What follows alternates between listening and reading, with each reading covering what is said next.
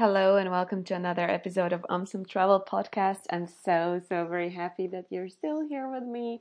Or maybe it's just the first time you're tuning in for this travel story.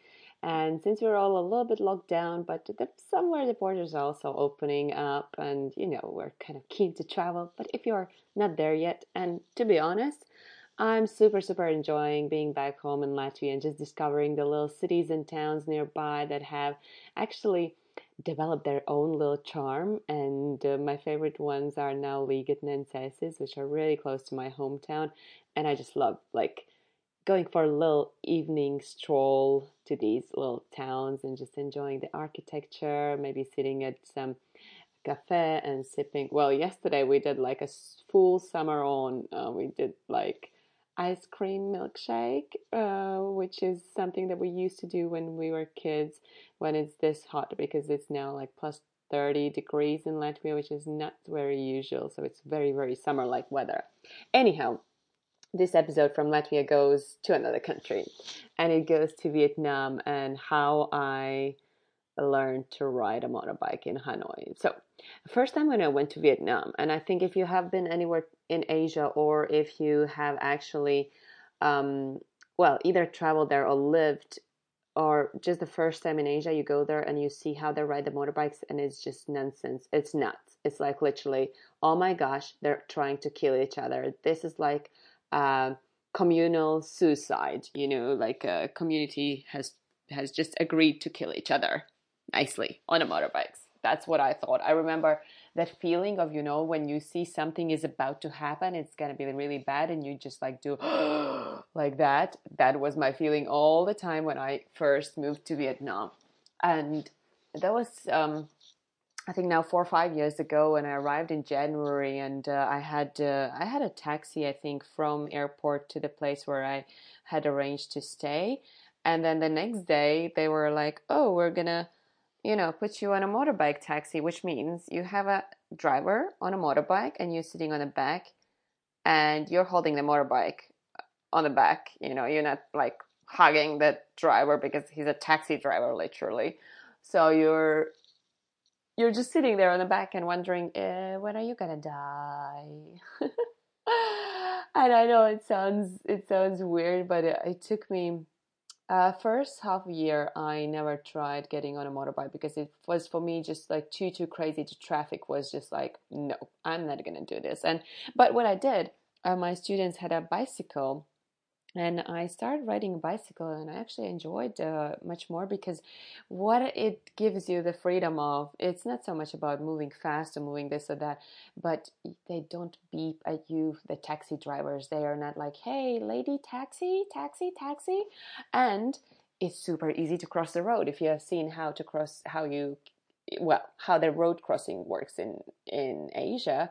It doesn't basically, so you just have to kind of go into the traffic and flow with it and you become professional by you know in six months but the first few weeks is just stressful. It's just like with all the stress that you have to move like have with moving to a new country you have on a top this stress about how to cross the street. Why is this taxi driving beeping all the time? Uh, what is with this motorbike driver? What is with this cyclist? And so on and so on. So actually with bicycles it was much easier. And then um, I think I left Vietnam and I came back after summer break because I was doing my diploma in Turkey. So I went back to Vietnam after that.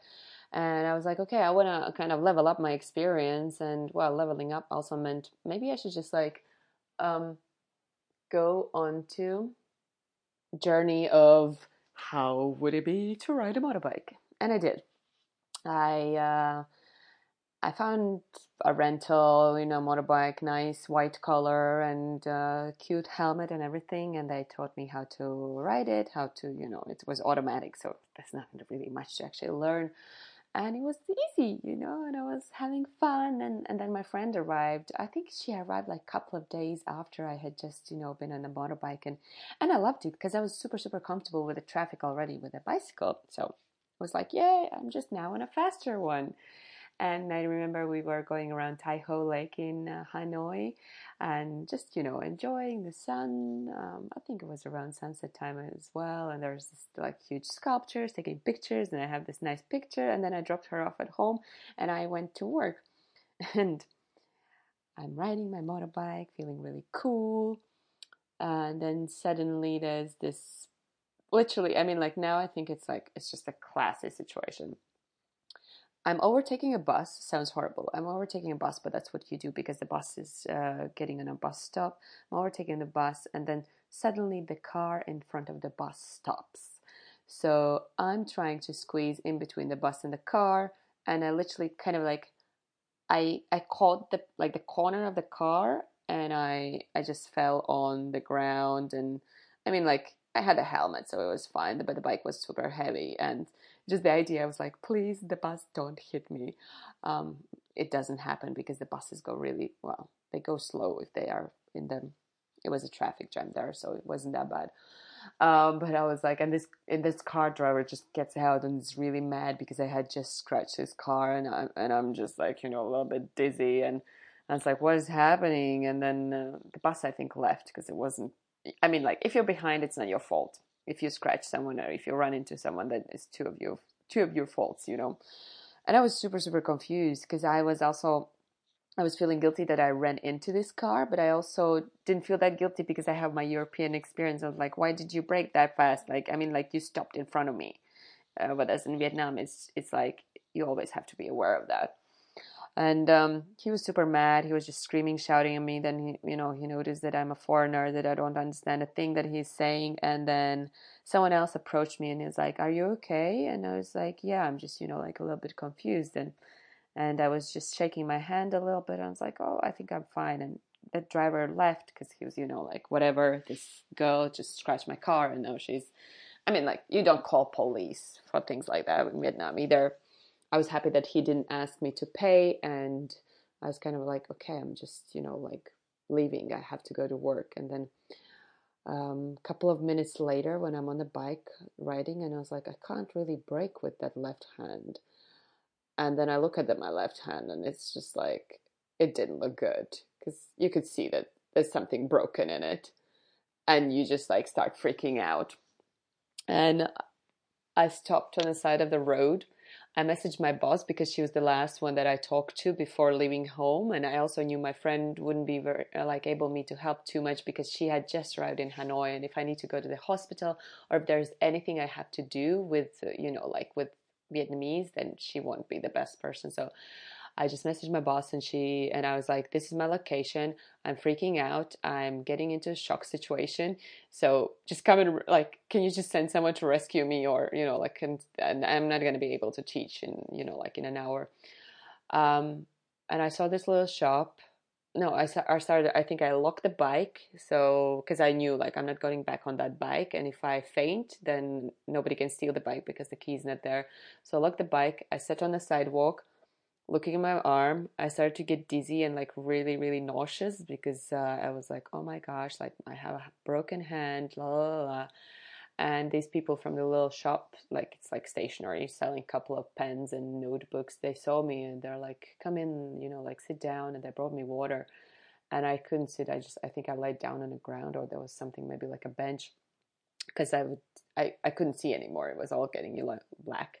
I was getting blackout um and yeah then my friend came and rescued me literally sounds like now when i'm telling this like sounds really bad but um it showed me that really, you know, like that Hanoians uh, and Vietnamese are good. Like nobody tried stealing my bike in this situation, and they were actually trying to help me. And then my friend rescued me. We went to one doctor, another doctor, one hospital, another X-rays, and this and that, and uh, and I got in. My hand was in a cast, and, and the funniest thing is, like you know, you would imagine taking someone to the hospital with a broken um, arm. Uh, in a car, and we all did this on a motorbike, and then um, on the um, on the way back we just got like the hugest ice cream ever. I had my medicine so i didn't feel pain too much. But what i didn't realize that it actually hurts when you have a broken arm. And two weeks later i go for a checkup and this uh, man is like why do you have a cast on? I was like what do you mean? Like do you think i put it on? And he's like no like you just have like a fracture. You could have just like a support. You don't need a cast on. I was like damn like I wish I had known, even though I was taking the cast off when I was at home sometimes because it was too hot and and itchy. And when I was taking a shower, I would just like take it off. So that's the short version of uh, me trying to learn to ride a motorbike in Vietnam. I did got like I got on a bicycle. I think a couple of days after I had my cast on, and I got back on a motorbike.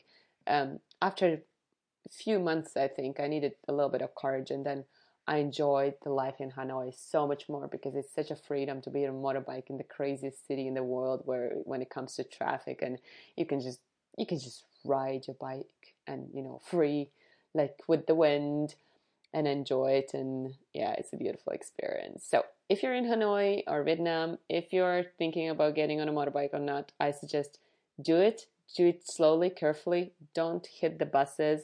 Just go with the flow slowly, not like me trying to prove how amazing I am on the third day. Thank you for listening and thank you for tuning in. Thank you so much. And reach out to me with your story. Uh, my email is ommmsome at gmail.com. I'll be super excited if you press like, subscribe, or if you leave a comment to this podcast. I'll love you forever and always. Ciao, ciao.